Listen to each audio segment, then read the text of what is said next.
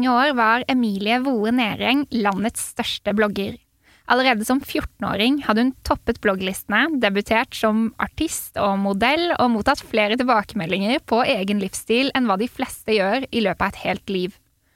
Kritikken hun mottok, satte sitt preg på selvbildet til Emilie, og gjorde at hun i 2017 bestemte seg for å legge ned bloggen og søke en tryggere versjon av seg selv. I dag er hun utdannet ernæringsrådgiver og har tatt steget tilbake i rampelyset, denne gang som matinfluenser, podcaster og forfatter. Det er en blid og selvsikker Emilie som sitter i studio med meg her i dag, og jeg gleder meg til å høre mer om veien hennes dit. Hvordan har all oppmerksomheten formet henne, og hvilke grep kan man egentlig ta for å bli tryggere på seg selv?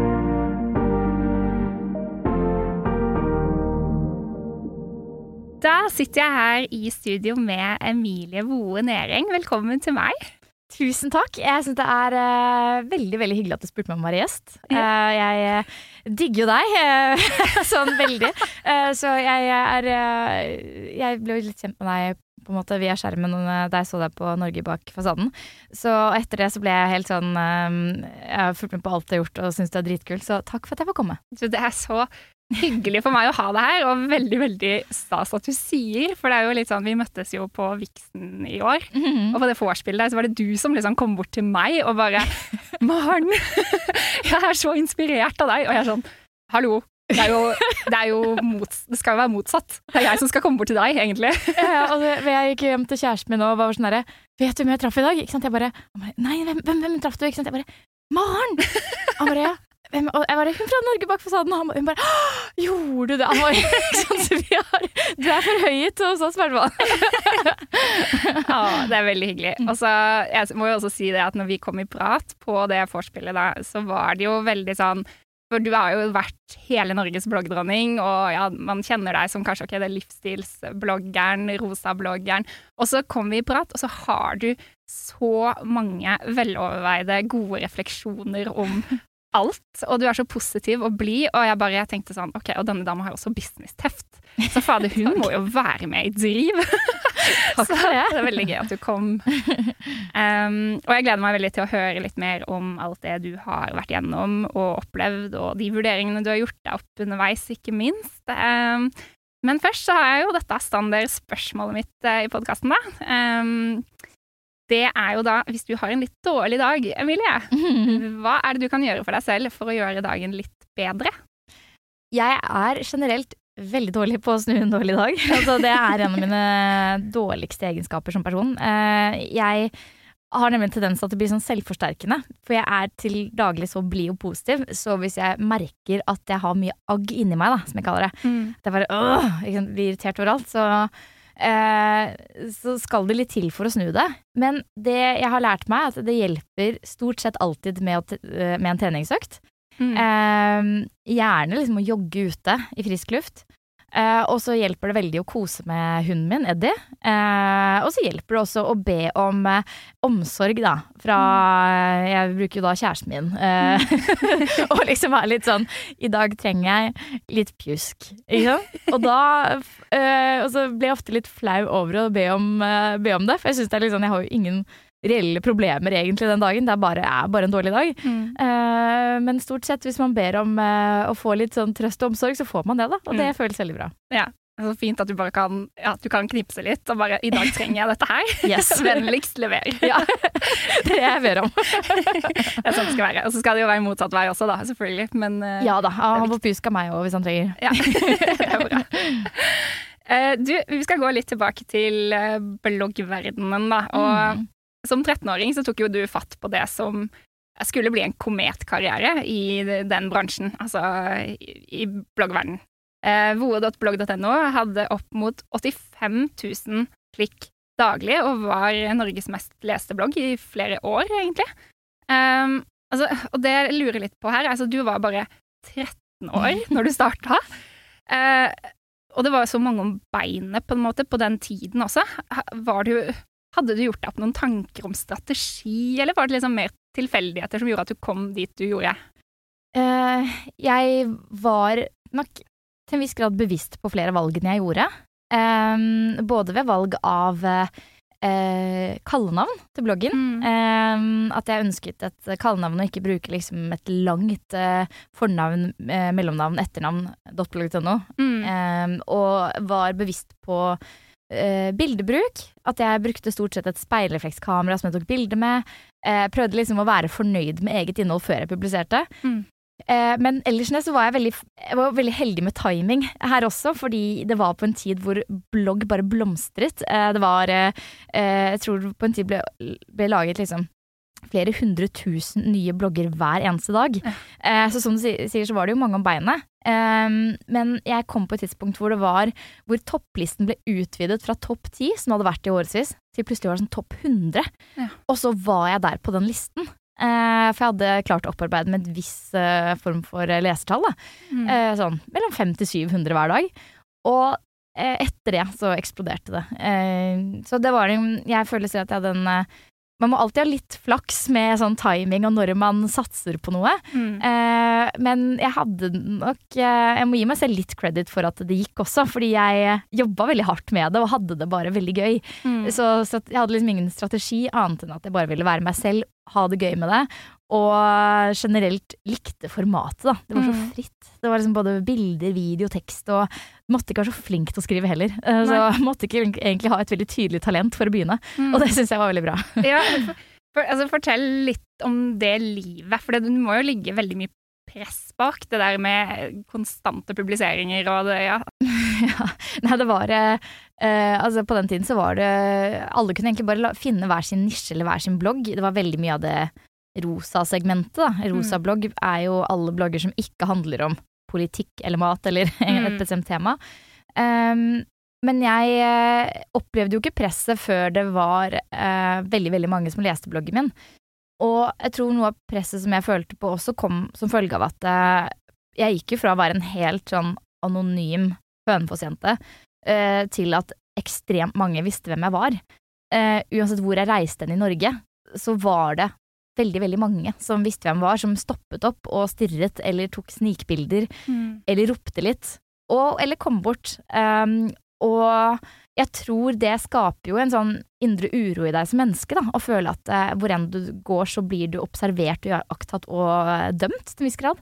Mm. Eh, så for meg var det den eh, merkeligste endringen, var at jeg var jo fortsatt samme person, men hele omverdenen min endret seg på ganske kort tid, da. For det gikk bare fem måneder fra jeg opprettet bloggen til jeg var Norges mest leste. Så Mm. det skjedde Det føltes som det skjedde over natten, da. Ja. Så det var egentlig endringen i omgivelsene som var liksom det tyngste, kan du si. Eh, eller det som ja, lot merke på seg mest. Ja, fordi det var eh, Jeg har alltid klart å forholde meg til meg selv ganske bra, Ja. eh, men når eh, Og har alltid vært eh, sånn jeg husker det, da. Nå, det, nå er det veldig lenge siden, men jeg var veldig sånn glad i mennesker og likte veldig å være sosial og sånn. Men plutselig ble jo det litt skumlere og skumlere, fordi jeg visste ikke hvordan jeg skulle forholde meg til det. Eh, og eh, jeg drev med dansing, hadde eget danselag, men og vi hadde vært med i NM det året jeg begynte å blogge, men da var jo ikke jeg kjent i det hele tatt, så da gikk jo jeg rundt der som alle andre, da, og tok eh, bilder og koste meg. Og året etter, liksom, så var det så kunne vi på en måte ikke sitte i fred noe sted. Det ble dannet køer eh, av folk som skulle ta bilder med meg. Eh, de ventet til rett etter vi hadde konkurrert på Norgesmesterskapet, liksom. Og jeg var svett og andpusten, og så ble jeg overfalt idet jeg kommer ut av gjenger, da, med folk som bare har gode intensjoner. Men for meg så skaper det en angstfølelse. Mm. Eh, og at jeg var redd for at eh, sånn, venninnene mine skulle se på meg annerledes, da. Siden jeg ble behandlet annerledes av andre. Mm. Eh, men jeg følte meg fortsatt bare som en av dem. Så det var en eh, litt rar posisjon å være i. Jeg tror du nyter den posisjonen litt bedre hvis du er veldig glad i oppmerksomhet. Men jeg, for meg var det liksom Jeg hadde egentlig ikke oppsøkt det så, så mye i mitt liv, da. Så det var veldig rart å være satt i den posisjonen. Mm. Ehm, så jeg var egentlig bare opptatt av å leve liksom mest mulig vanlig, selv om mye av det som skjedde rundt meg var uvanlig, da. Mhm. Ja, det er interessant. Og du, du eh, fikk jo også etter hvert en eh, artistkarriere oppi det her også. Hva var tanken der? Eh, nei, altså jeg elsker jo å eh, gjøre mest mulig gøy i livet mitt. Eh, og liker å synge, da. Ja. um, og det er et eller annet med at når du faktisk skal poste blogginnlegg tre ganger daglig, i hvert fall, så må du blogge om et eller annet og bjuda på. Mm. Så jeg hadde lagt ut litt sånn sangvideoer. Mm. Uten at jeg på en måte mente at jeg skulle eh, bli artist. Eh, men det her var bare noe jeg likte å gjøre. Eh, så var det en som la merke til det, og det var jo da David Eriksen, Ja. manageren til Tone Damli, blant annet, som da tok kontakt og spurte om jeg ville komme i studio en dag. Mm. Og det er jo en sånn drøm som jeg tror de fleste har eller har sett for seg hvordan er, ikke sant? Mm. Og jeg syns det var helt konge å få den muligheten. Så vi endte jo opp med å lage en sang. Det var faktisk Ina Wroldsen som skrev den, Oi. og som sang demoen til den låta. Sånn, hun har jo den fineste stemmen i hele verden. Ja, ja. Um, og jeg syns det var veldig kult å på en måte få, å få prøve det òg. Mm. Eh, men utfordringen var at jeg følte liksom at jeg sto så alene i det, fordi mm, jeg fikk jo mange som ville høre på sangen, og mange som likte meg veldig godt. Men jo mer sånt jeg gjorde, jo mer hat fikk jeg også. Okay. Eh, og det Jeg fikk jo eh, Jeg ble bombardert med hets ikke sant, den dagen jeg kom med sangen. Eh, fra folk som liksom hata den, eller syntes, jeg sang stygt, eller ikke sant. Det var så mye meninger, da. Mm. Og at jeg ikke fortjente det. Det var bare liksom eh, Det var veldig mye meninger om det. Så enhver sånn positiv ting som skjedde i livet mitt, så var det med en viss form for bismak, for jeg klarte aldri å nyte det ordentlig. Mm. Og totalbelastningen ble også ganske stor da jeg, jeg følte jeg sto i det ganske alene. Her har jeg et blogginnlegg med eh, 5000 kommentarer. Tusen av de oppriktig er negative. Mm. Eh, tusen mennesker som på en måte ikke vil meg noe godt her og nå. Hvordan skal jeg stå i det eh, alene? Det Mm. var eh, en ganske stor eh, byrde. Eh, og samtidig så er alle rundt meg også 14 år, så de Jeg opplevde at folk rundt meg syntes det var vanskelig å forstå at det kunne være tøft for meg. Mm. Ja. Så jeg var redd for å, eh, for å klage, da, hvis jeg hadde sagt at jeg syntes ting var litt tøft og sånn. Så jeg beit mm, det meste i meg og tenkte jeg er veldig, veldig heldig. Mm.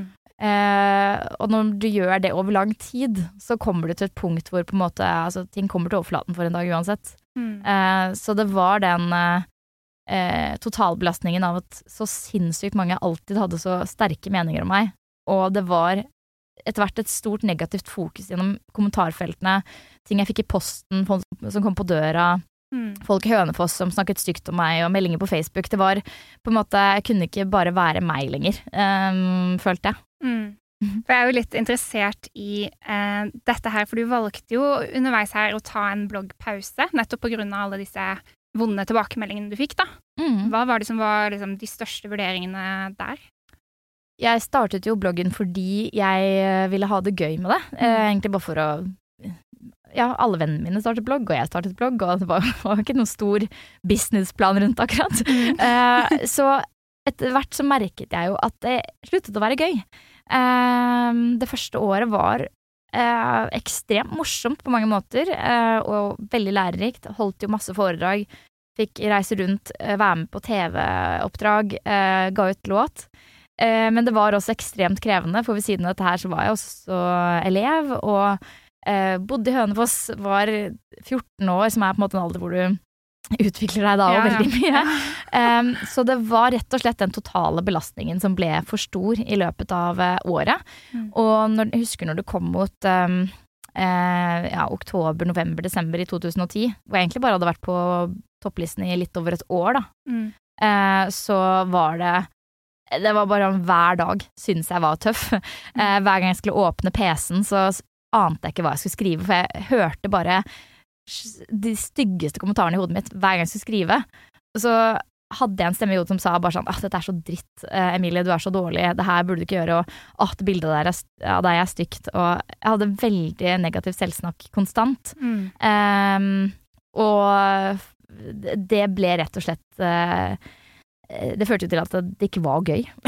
så jeg kom til den konklusjonen først i desember, da, mot juletider. Så var jeg sånn, vet du hva, nå tar jeg en liten pause. Eh, noe foreldrene mine syntes hørtes veldig fornuftig ut. De ønsket jo mer enn alt, nesten, at jeg skulle legge det her fra meg.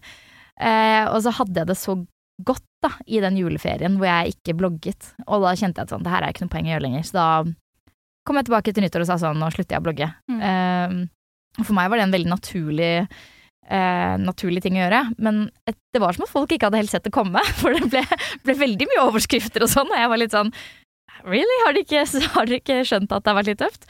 Det er fordi jeg hadde oppriktig ikke vært åpen om det. Jeg hadde på en måte bare dura på med en sånn positiv innstilling hele veien. Så Mm. jeg skjønner at folk ikke helt eh, eh, skjønte at det var eh, ganske tøft, da. Mm. Ja, og så er det jo sikkert mange som også da Altså, hvor sliten kan man bli liksom, av å sitte og plotte inn eh, bokstaver i en eh, tekstboks og ta litt bilder?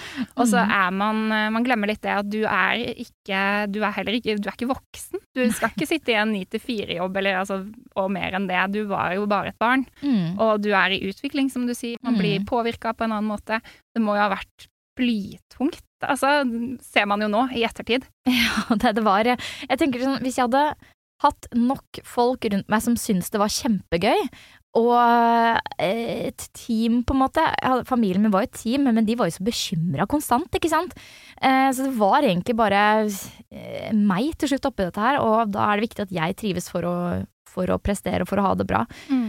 så det, jeg så ikke at det her kunne gått i noen annen retning, altså, enn at jeg måtte ta den, den gode, lange pausen. Mm.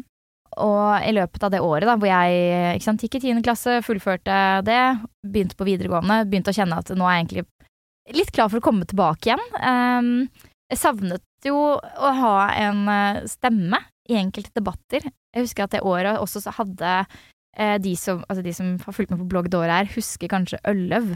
Som en Mm. sånn greie. Ja. Eh, ikke sant, var bare en jente som eh, hadde lagt ut en video av seg hvor hun sier at hun er Ølløv-år, som er dialekten hennes. Og som ble egentlig ganske kraftig mobba da, på grunn av det. Og det her var på en eh, tid hvor jeg ikke hadde blogg. Jeg husker jeg bare kjente sånn egentlig et sterkt behov for å kunne forsvare henne eller heie litt på henne i den perioden.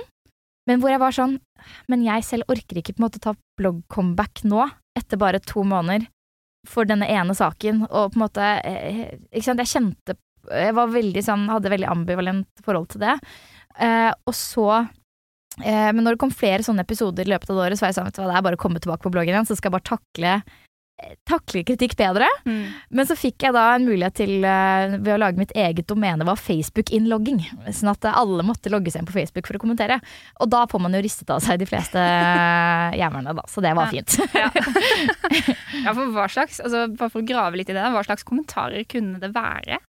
Uh, Jeg syns nok noen av de verste var de som skrev sånn eh, Hei, uh, du kjenner meg egentlig, uh, men vil ikke skrive navnet mitt akkurat her. Men jeg syns faktisk at den oppførselen du har vist over tid nå på skolen, er helt forkastelig.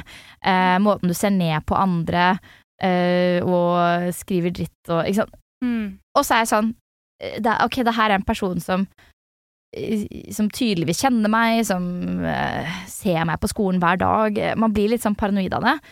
Og så vet jeg innerst inne at dette er ikke meg. Ikke? Mm. uh, det er det eneste jeg på en måte har vært sikker på i hele mitt liv, at jeg er en god person. Sånn, Mm. jeg, er, jeg er snill. uh, så jeg vet at det er ikke meg.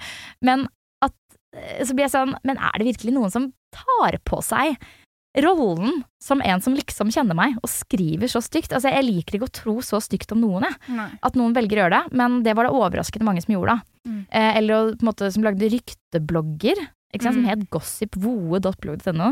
Eh, det var to gutter en gang som lagde en video som var sånn Nå skal vi lese opp noen av ryktene vi har fått tilsendt om Voe. Og så satt de seg imellom og bare leste opp rykte på rykte på rykte da, med folk jeg enten hadde ligget med eller sugd. Altså, det, var, det, var, det er helt sjukt. Og da var jeg 14 år, så bare sånn Det er, det er eh, utrolig hva folk fikk seg til å gjøre, da. Mm.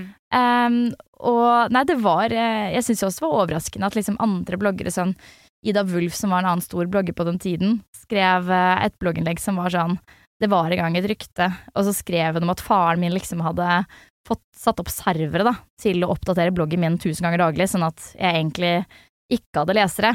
Så, så hun, eh, som var sånn For hvordan kan vel en jente med null livserfaring eh, gjøre, klare seg? Mm. Og så var det mange som støtta henne innenfor bloggmiljøet, så jeg følte liksom at det var eh, få der ute, da, som faktisk backa. Eh, så det eh, Og jeg er nok litt avhengig av det. Jeg er opptatt av hva andre mener om meg, eh, og har generelt god tillit til folk. Så hvis jeg opplever ikke få det tilbake igjen, så mister jeg sånn troen på verden, og føler meg veldig alene. Mm. Så det var liksom den Det var nok ikke isolert sett én kommentar som på en måte alltid uh, slo meg i bakken, men det var den totale mengden at jeg ikke skjønte hvorfor folk uh, gadd å være så slemme.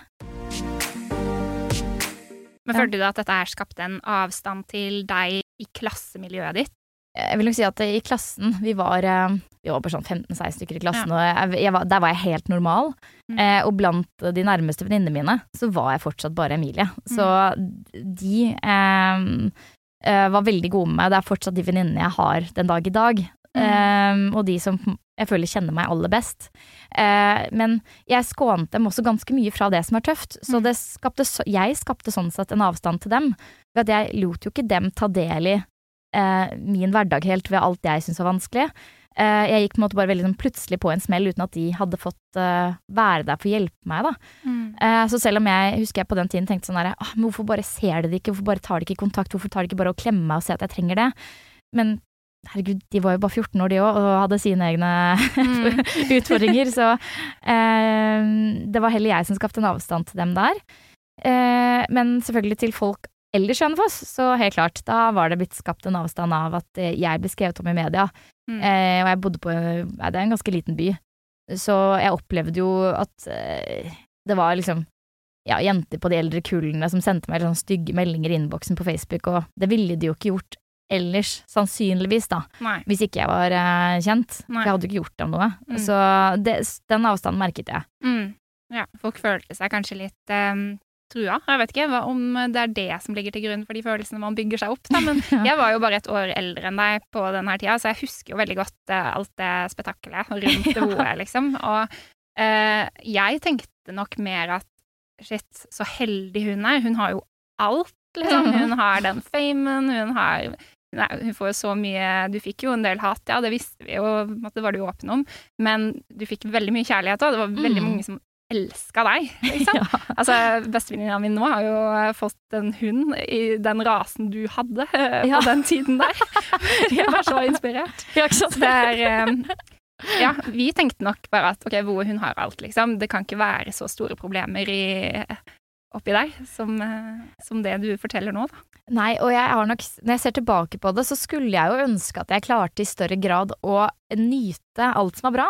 Eh, og det er jo noe jeg har tatt med meg videre i livet, for jeg har tenkt sånn eh, Man har jo alltid et valg om å eh, velge hva slags innstilling man har til livet sitt, hva slags valg man vil ta, eh, hva slags liv man ønsker, eh, men også eh, ikke la seg rive ned helt, da Mm. i en sånn ond spiral. Eh, og jeg var nok litt der at det, det var så overveldende at jeg klarte ikke å tenke helt klart og tenke positivt rundt alt hele tiden. Um, og slet litt med å se meg selv utenfra. Så det kan jo at de, ja, som du sier, dere utenfra kunne tenke at det, å, hun er så heldig, hun har alt, ikke sant. Mm. Og jeg skulle jo ønske at jeg egentlig klarte å tenke det samme der og da. Mm. Mens for meg så var jeg, hadde jeg nok eh, eh, i stor grad fokus på bekymringene, på det negative, og lot det ta veldig stor plass da, Mm. i hverdagen min. Så det er noe jeg har tenkt over, sånn eh, Kunne jeg taklet det på en annen måte? Ikke sant? Mm. Og det tror jeg kanskje, hvis jeg hadde hatt folk rundt meg med mer eh, På en måte hvis det var vanlig, hvis jeg Mm. eh, var, var fra en skole hvor det var masse folk som hadde, jeg vet ikke, skuespillerforeldre, eller at det var liksom At jeg hadde noen, noen å spørre, da, om Mm. hvordan det var å være kjent. Mm. Eh, mens for meg så måtte jeg bare finne det ut av det alene, og da var det for overveldende. Mm. Eh, og selvfølgelig så hadde jeg jo ikke egentlig forberedt meg på det. Jeg hadde jo bare trådt inn i noe som ble noe stort. Eh, Så jeg tror det er annerledes når du tar det valget som eh, voksen, eller i hvert fall litt eldre, at du ønsker å bli artist, eller bli skuespiller, eller bli kjent på noe vis. Så uh, har du sett for deg i forkant hvordan det er. Mm. Men uh, jeg hadde jo ikke det. Så det ble veldig overveldende. Ja. uh, Men du valgte jo å fortsette med bloggen en stund, før du Mm. etter hvert la den helt ned, og ville fokusere på helt andre ting. Du tok en bachelor i ernæringsrådgivning. Eller hva heter det? Det heter bare bachelor i ernæring. Heter ja, det, ja. på Høgskolen i Kristiania. Ja. Det er samme skole som jeg gikk. Hvorfor valgte du det? Å gå liksom matveien? Jeg, eh, jeg altså Det var mye tilfeldigheter her. Eh, men det var både at jeg kjente etter hvert eh, som jeg blogget eh, med årene. Eh, da hadde jeg holdt på i faktisk eh, ca. åtte år totalt, var det vel, eh, med med blogg eh, litt av og på, men hvor jeg hadde skapt en karriere innen det. Men jeg merket at den karrieren handlet jo egentlig bare om meg. Ikke Mm. sant? Den skulle, det var jeg som skulle utvikle meg selv i ulike retninger, og veldig fokus på eh, på utseende, egentlig. Eh, det eneste jeg på en måte tjente penger på å reklamere for, var jo eh, sminke og klær, eh, og veldig sånn utseendebaserte ting. Um, mens jeg var egentlig mye mer opptatt av andre ting òg. Mm. alle jenter er jo på en måte også glad i å se fine ut og pynte seg og sånn, men eh, for meg så merket jeg at noe manglet, da. En slags mening med tilværelsen. At jeg følte at jeg kunne bidra med noe positivt. Um, og jeg var ganske lei av at det handlet uh, så mye om meg, da. Mm. Uh, fordi da går også all kritikken uh, går jo inn på meg, for det er personlig. Jeg, handler, jeg driver ikke og skriver om en sak.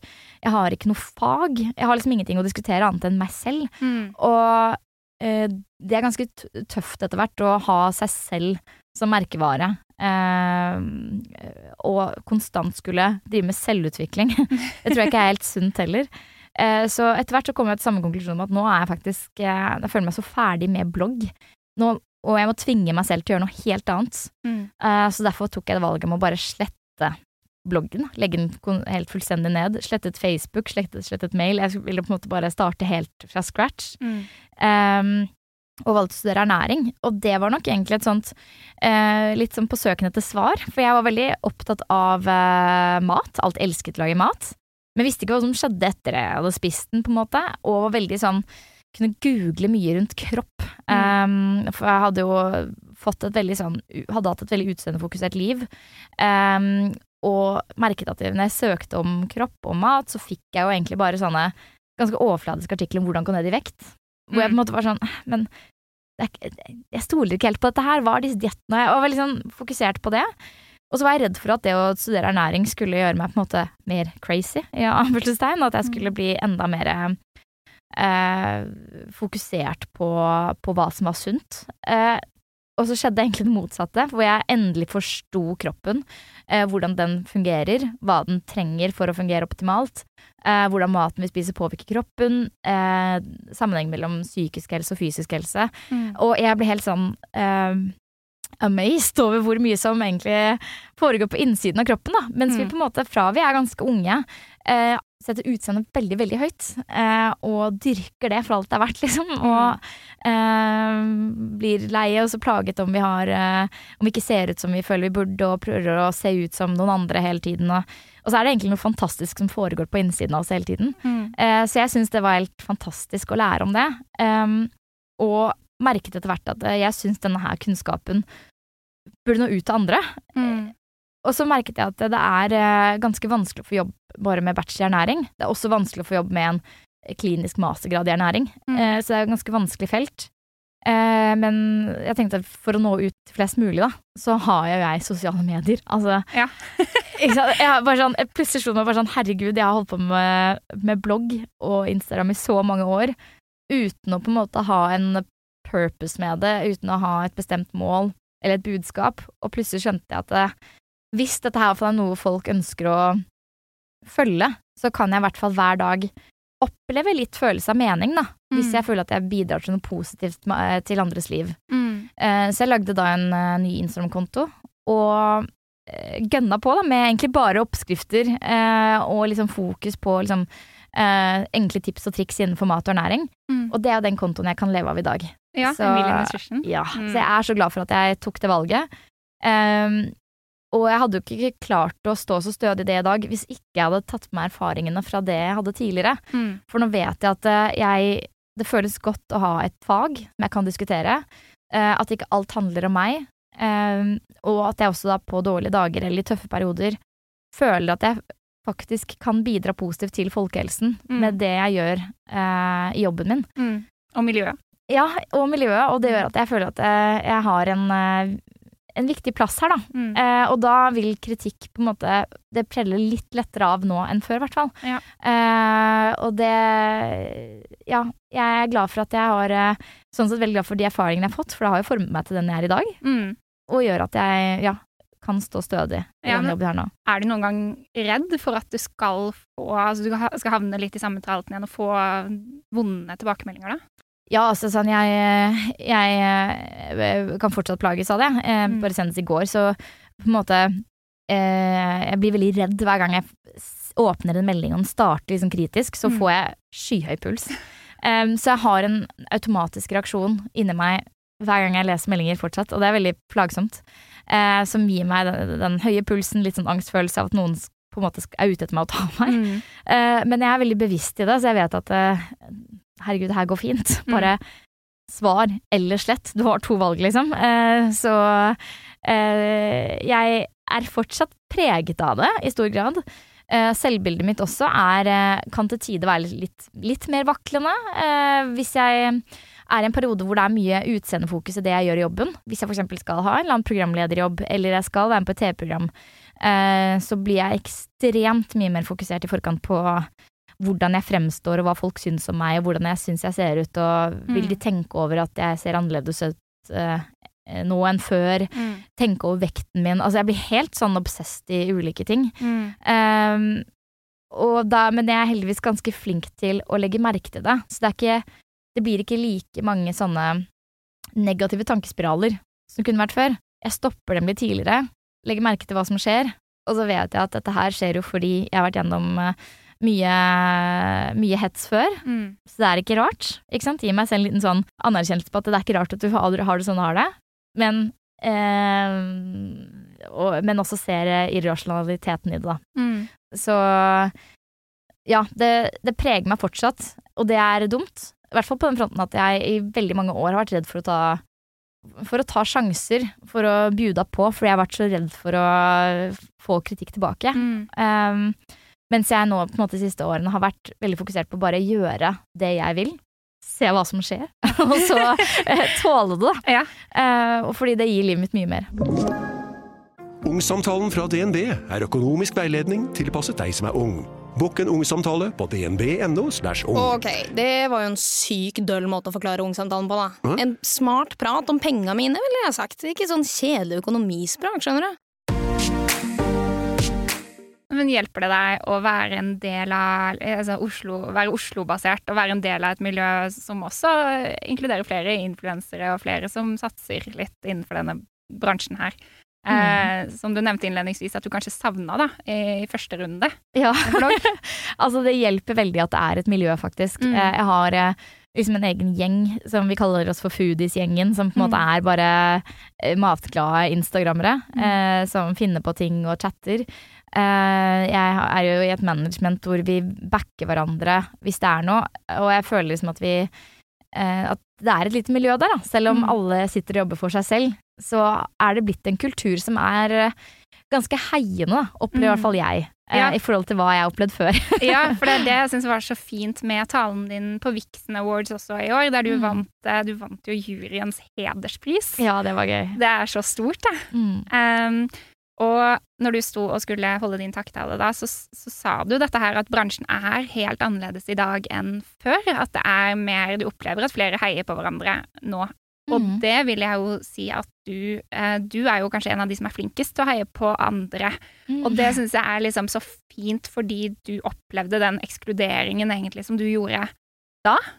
Ja, og takk. Ja, men det, det er nok eh, Ja, jeg savnet nok den backingen selv, ikke sant. Og så jeg, og så vet jeg hvor mye det kan bety. Mm. Uh, og så har det hendt noen ganger at uh, jeg også kan kjenne på en uh, misunnelse hvis det er noen som på en måte har en posisjon som jeg gjerne skulle hatt eh, i dette influensemiljøet, eller hvis de har Mm. fått noen avtaler som jeg gjerne skulle hatt, og så kan jeg kjenne det gnage litt innvendig. Og da må jeg på en måte ta meg selv i det og tenke at vet du hva, det her er akkurat det som folk har tenkt tidligere med meg. Det her er tiden for å heie frem, og heie på andres suksess.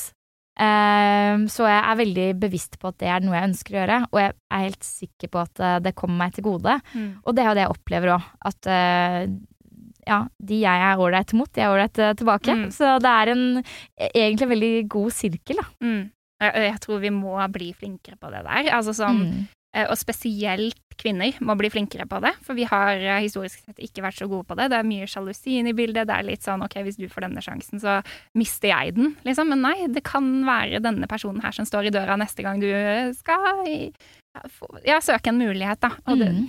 det lønner seg så å bare heie på hverandre, gi hverandre litt muligheter, um, ja, backe litt mer.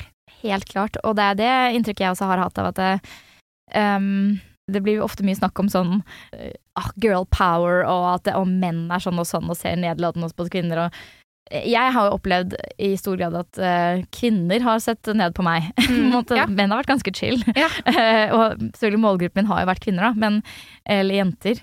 Uh, men jeg tror mange jenter også har innebygde fordommer mot andre jenter Mm. som de ikke er bevisste på.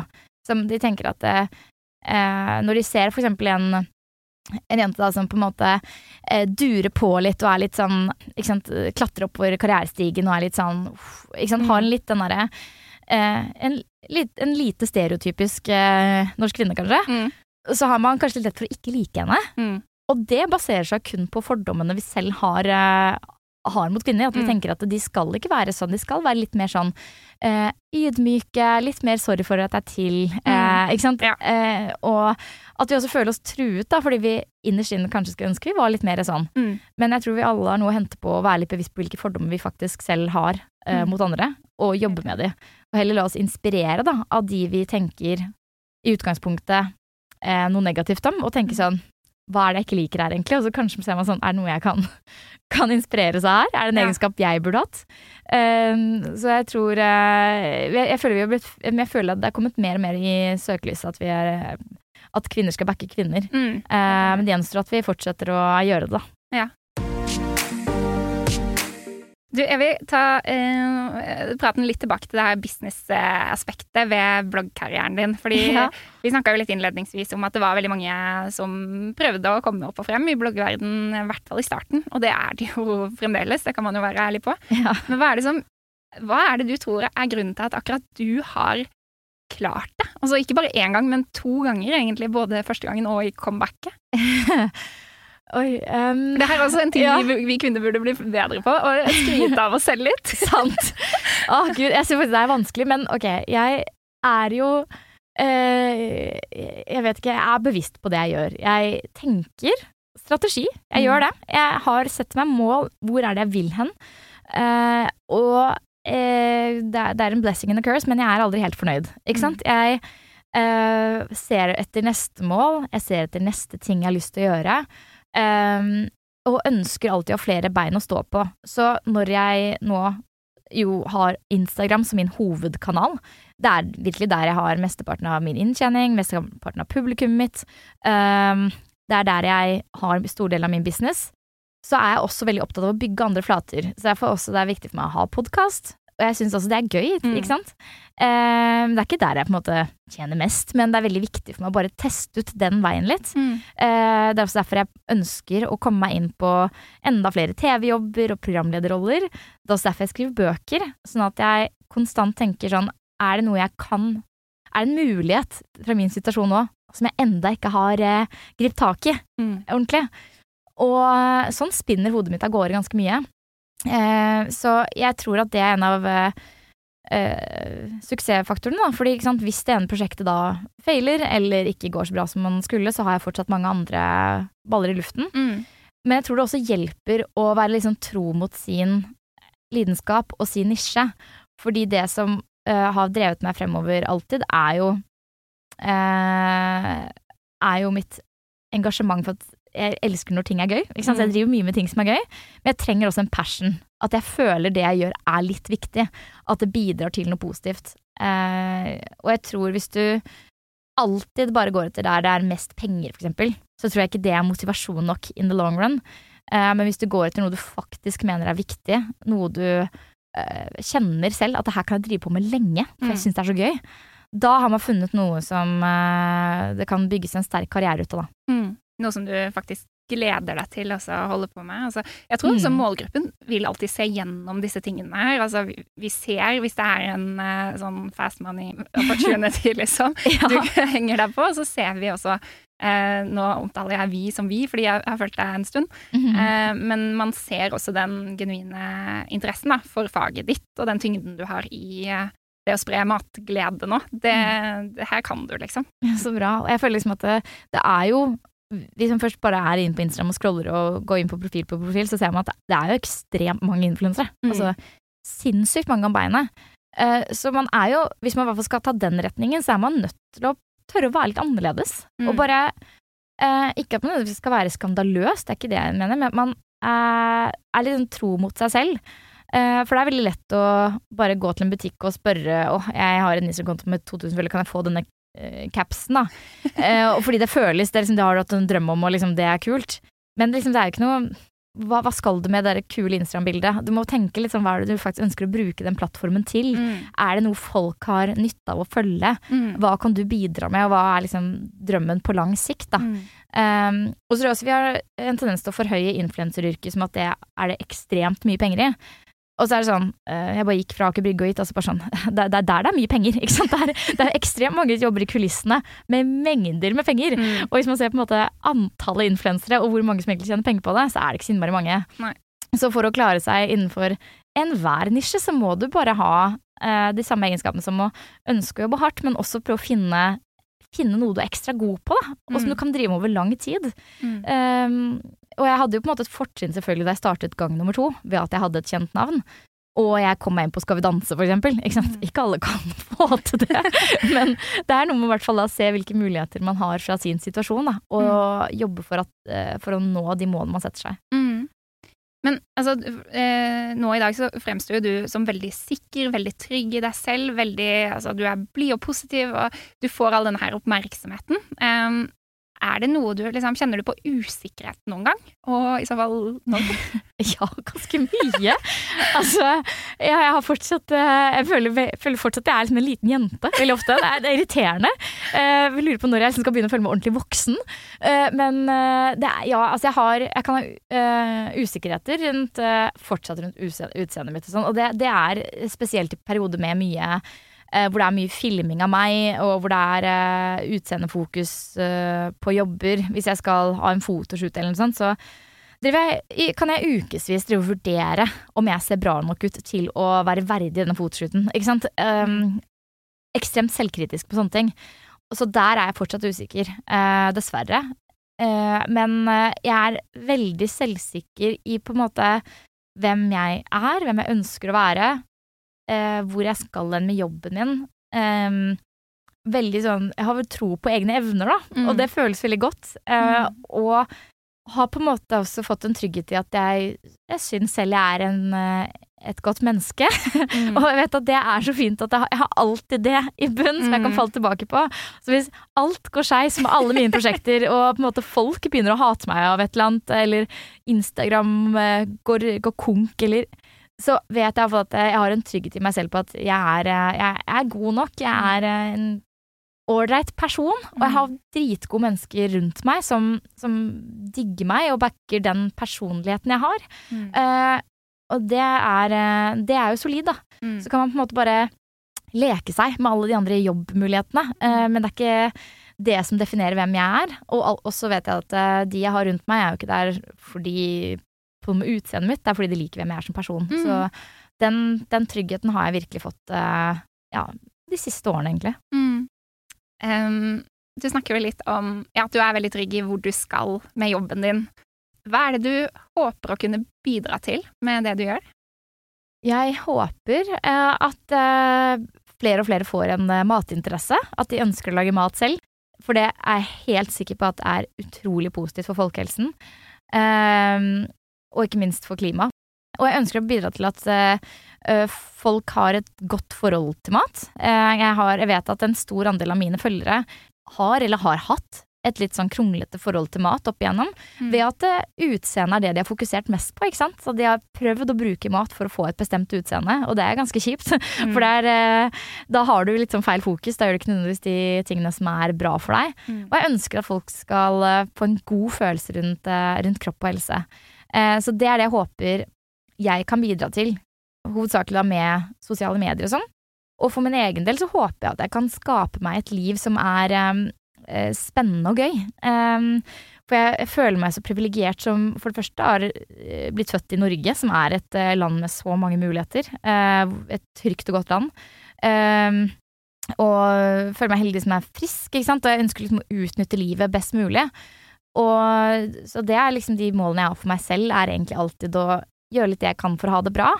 Og det trumfer behovet for, uh, for penger. Da. Ikke sant? Mm. At jeg vet at uh, man må alltid ha en viss form for uh, pengesekk i Mm. bunnen for for å ha økonomisk trygghet.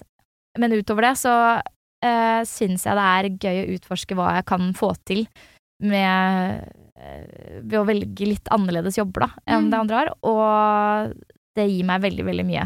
Og så kan jeg på en måte alltid få meg en vanlig jobb. Og jeg Mm. tror også sånn eh, Jeg hadde også digga å være lærer, tror jeg. jeg. Jeg ser for meg at det er noe jeg kan eh, ha lyst til å jobbe med. Men akkurat her og nå syns jeg det er veldig gøy å bare eh, se hvilke muligheter som kan dukke opp da, Mm. av å ja, av å være i den posisjonen jeg er i. Mm. Hva er det som eh, inspirerer deg, da? Jeg vet vi er mye ute og reiser og har nettopp vært på Bali og funnet masse matinspirasjon, men er det noe annet du liksom ja, lar deg inspirere? Altså, jeg må jo si at eh, jeg inspireres av eh, eh, av folk. eh, ulike folk. Og kjæresten min inspirerer meg mye. Han er sånn Mhm. som Han gir så mye faen altså, i hva andre mener. Han, han er veldig sånn som han står så stødig da, i det han gjør, og eh, alltid hvis jeg er sånn ja, du kan jeg legge ut dette sånn ja ja, kjør på. Altså, han, han oppriktig bryr seg ikke ordentlig Mm. hva folk mener om han, eh, og det syns jeg er en veldig god egenskap, så, så den vil jeg gjerne ta med meg. Mm. Og så kan jeg inspireres av eh, av, eh, eh, av eksempel sånn som deg, da, som har på en måte turt å være veldig, veldig sårbare. eh, og, og vise frem en side av livet som er ganske vanskelig. Det inspireres jeg også veldig av, fordi det viser eh, det, gir et, det gir meg et annet perspektiv på livet. Eh, det gjør at jeg blir eh, takknemlig for å være frisk. Ikke sant? Jeg får, det gir meg en ny dimensjon til livet. Og så har jeg også Så jeg på en måte plukker høres ut som jeg fiska etter den der, men Nei. nei, men, nei, men jeg, altså, jeg plukker liksom uh, Henter inspirasjon fra, veldig, fra folk, stort sett. Mm. Eh, folk som jobber hardt i jobben sin, syns jeg også er eh, dritkult. Samtidig som jeg også inspireres av, eh, av mamma, som er en veldig sånn uh, power woman, men også ekstremt følsom. Ikke Ja. sant? En sånn, jeg, jeg liker de egenskapene og tenker sånn eh, Det er litt sånn jeg ønsker å være. Ja. Eh, så jeg det er, det er folk jeg blir inspirert av. Jeg tror derfor jeg var så ekstremt uinspirert gjennom hele covid, fordi jeg traff jo ikke folk. ikke? Mm. Det var bare i mitt eget uh, hode. Mens nå når jeg på en måte har muligheten til å reise rundt, være gjest i podkaster, være eh, og jobbe med masse ulike folk, så uh, det, det gir meg masse inspirasjon hver dag, da. Mm. Ja, helt enig. Folk er det beste. Ja, det er det. Og er det, det er mange idioter også, men Ja, ja. ikke, jeg velger å tro at det er ikke de det er flest av. Nei, men det er litt som med folk som sitter, eller dager, at man må ha de der eh, nedturene litt for å virkelig sette pris på oppturene. Og sånn er det med mennesker òg, liksom. Så ja. Så jeg tror man lærer mye av å møte alle typer mennesker. Og så er det også Jeg tror man Jeg har alltid tenkt sånn Jeg går godt overens med de aller fleste. Jeg kan liksom funke med alle. Men så er det sånn mm, ja, OK, noen må jeg jobbe litt ekstra med, og det er litt sånn fint å innse òg at OK, ja, min type personlighet eh, den Ja, den er liksom jeg vet ikke, Nå vet jeg ikke helt hva jeg skulle si. Herregud. Jeg vet ikke hva jeg skulle nå. Jo, ja, men jeg skjønner hvor du skal hen. Eh, man merker liksom at jeg, jeg, jeg får energi av de som er litt lik meg, eh, på en måte. På det at de liker mennesker, å gå ut og treffe og få, få den ytre energien. Og så er det av og til man blir sånn ja, nei, her måtte jeg jobbe litt ekstra hardt. Ja. Og da er det, og det Men det gjør at man setter enda mer pris på de andre relasjonene man har, da. Mm. Ja. Fader heller, nå stoppa det helt. Det er cellegifthjernen min som er Den har bare konka meg helt ut. Korttidsminnet mitt er Det er så dårlig akkurat nå. Du har veldig god, veldig god grunn til det. Og så veldig, veldig god unnskyldning. Vi lar dette stå uncut, og så får lytteren bare tenke det den tenker. Ja. Men eh, jeg tenkte, altså nå skal vi jo avslutte litt eh, snart. Eh, har du noen gode råd til andre for å finne liksom, mer trygghet i seg selv?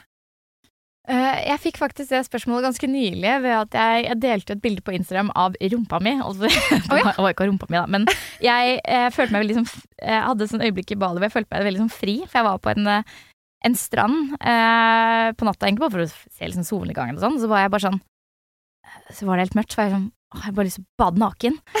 Og så ba jeg typen å ta et bilde av at jeg løp ut i vannet. Og så ble det et bilde som var bare så kult, og så kjente jeg jo der og da at shit, nå er jeg på en måte trygg nok i denne situasjonen til at jeg ber en fyr ta bilde av meg i naken. Eh, som er på en måte et uh, godt steg for meg, at jeg har kommet meg ganske langt. Og at jeg føler meg fri og selvstendig og veldig lykkelig. Um, så det valgte jeg å dele det bildet på Instagram, og da fikk jeg ganske mange spørsmål om hvordan jeg på en måte har blitt uh, trygg i meg selv. Mm. Og jeg tror en av tingene er bare at det går litt tid, at man blir eldre. Tror jeg bygger en litt annen uh, trygghet til deg, hvor man finner litt mer sin plass, da. Eh, liksom, gjennom alle ungdomsårene så er det så mange det er så mye påvirkning fra liksom hvilken gjeng er kulest, og mm. man blir kanskje ikke bedt på fester, og man prøver bare å passe inn når man er drithormonell, og det er liksom Det er veldig vanskelig å finne trygghet da. Mm. Um, men så velger du litt mer hvem du ønsker å henge med senere i livet. Velger din egen flokk, på en måte. Uh, du har også innsett på det punktet når du har blitt eldre at uh, foreldrene dine heller ikke er feilfrie, så du på en måte er, kan lære av deres feil. Ikke sant? Alltid når man tenker på at ah, de voksne er de de er så kule og de er ja, så selvsikre og sånn, ser du at nei, de er bare forvokste ungdommer. Uh, og så, så, jeg på en måte har um, kommet til et punkt hvor jeg um, har både fått den tryggheten at jeg har funnet litt mer min plass, både jobbmessig uh, og yrkesmessig der. Jeg har et godt sett med venner og god kontakt med alle i familien min, føler jeg. Jeg har på en måte en veldig solid base. det tror jeg gir mye selvsikkerhet og trygghet. Mm. Um, og i tillegg så uh, har jeg turt å ta valg som er positive for meg i mitt liv. Uh, et av de som ga meg Første gang jeg kjente veldig på sånn ordentlig selvtillit, var ved å faktisk slutte å blogge. For det var et vanskelig valg mm. som jeg valgte å ta. Uh, neste gang var jo på en måte å velge å komme tilbake igjen og stå stødig i den jobben jeg tok da. og så er det på en måte neste valg som var vanskelig for meg å ta, var liksom hva jeg skulle gjøre med Jeg var jo i et langt forhold uh, som jeg merket kanskje ikke var helt riktig. Mm. Ikke sant? Å ta det valget da med å være, velge å være alene, da, mm. eh, etter mange år, var også ganske vanskelig. Men merket at det ga livet mitt, uh, noe positivt. Um, og alle sånne litt sånn tøffe valg som man står overfor, det har iallfall gitt meg mer trygghet da, og selvsikkerhet på at jeg, at jeg klarer meg, ikke sant. Mm. Og at jeg er eh, jeg får oppleve mestring mm. av å stå på egne bein. Um, og så har jeg i tillegg nå fått meg da en, en, kjæreste som liker meg litt ekstra godt når jeg er litt gæren. Og det er egentlig ganske bra å omgi seg med sånne mennesker som på en måte trekker ut sider av deg som du ellers kanskje har undertrykt litt, eller vært mm. litt redd for å vise frem. Uh, så å få, få å både ha venner, familie og eventuelt kjæreste da, som uh, fokuserer på de siden av deg du kanskje ikke har turt å vise frem, eller som du ikke har likt, mm. det tror jeg også gir uh, mye selvtillit og selvbilde, da. Så uh, mye av det er dessverre litt avhengig av hvem du velger av rundt deg, men det er, um, det er verdt å jobbe litt for, mm. finne ut av det. For jeg tror ingen på en måte kan Man sier at man er sin egen lykkes med, og det tror jeg er veldig sant til en viss grad.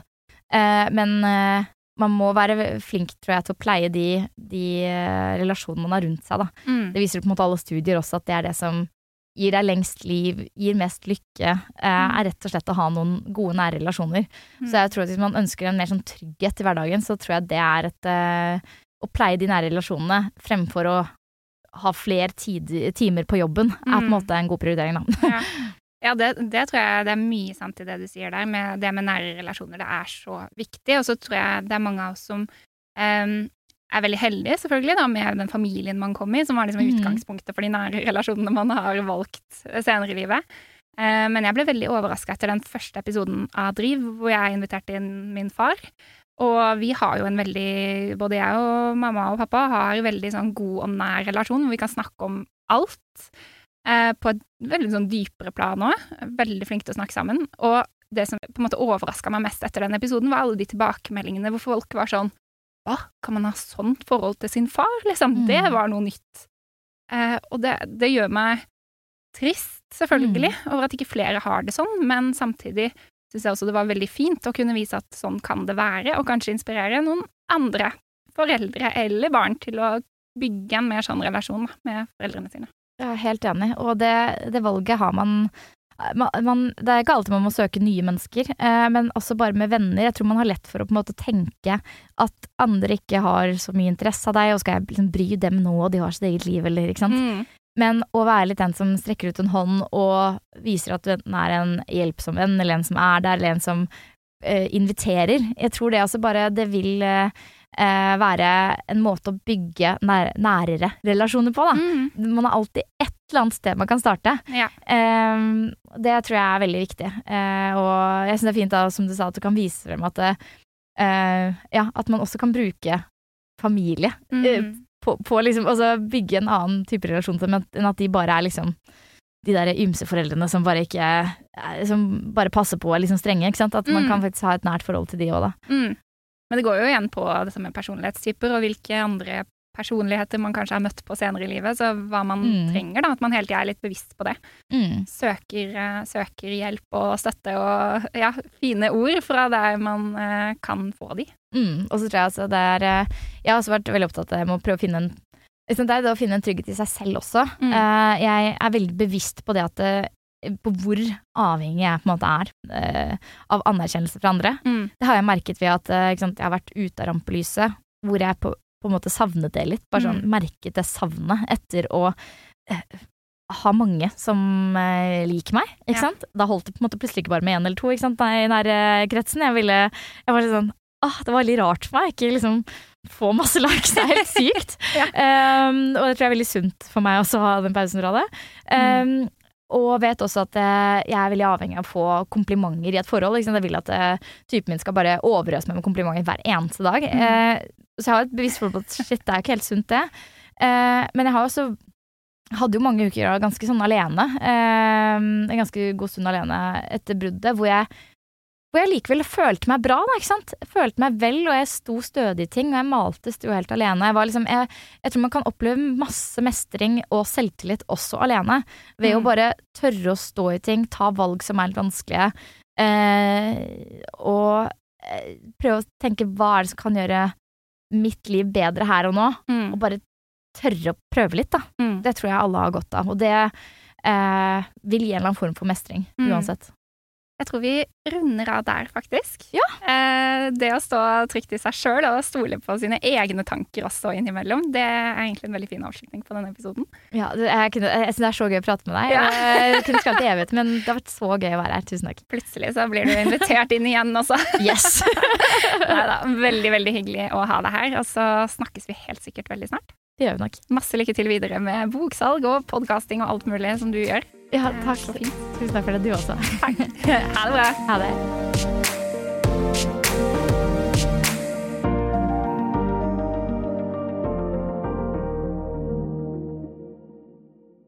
Hvis du likte dagens episode, trykk gjerne abonner på denne podkasten for å bli varslet om nye episoder som kommer. Har du feedback, ris, ros eller andre innspill, finn meg gjerne i sosiale medier. På Instagram heter jeg Maren WJ. Vi snakkes!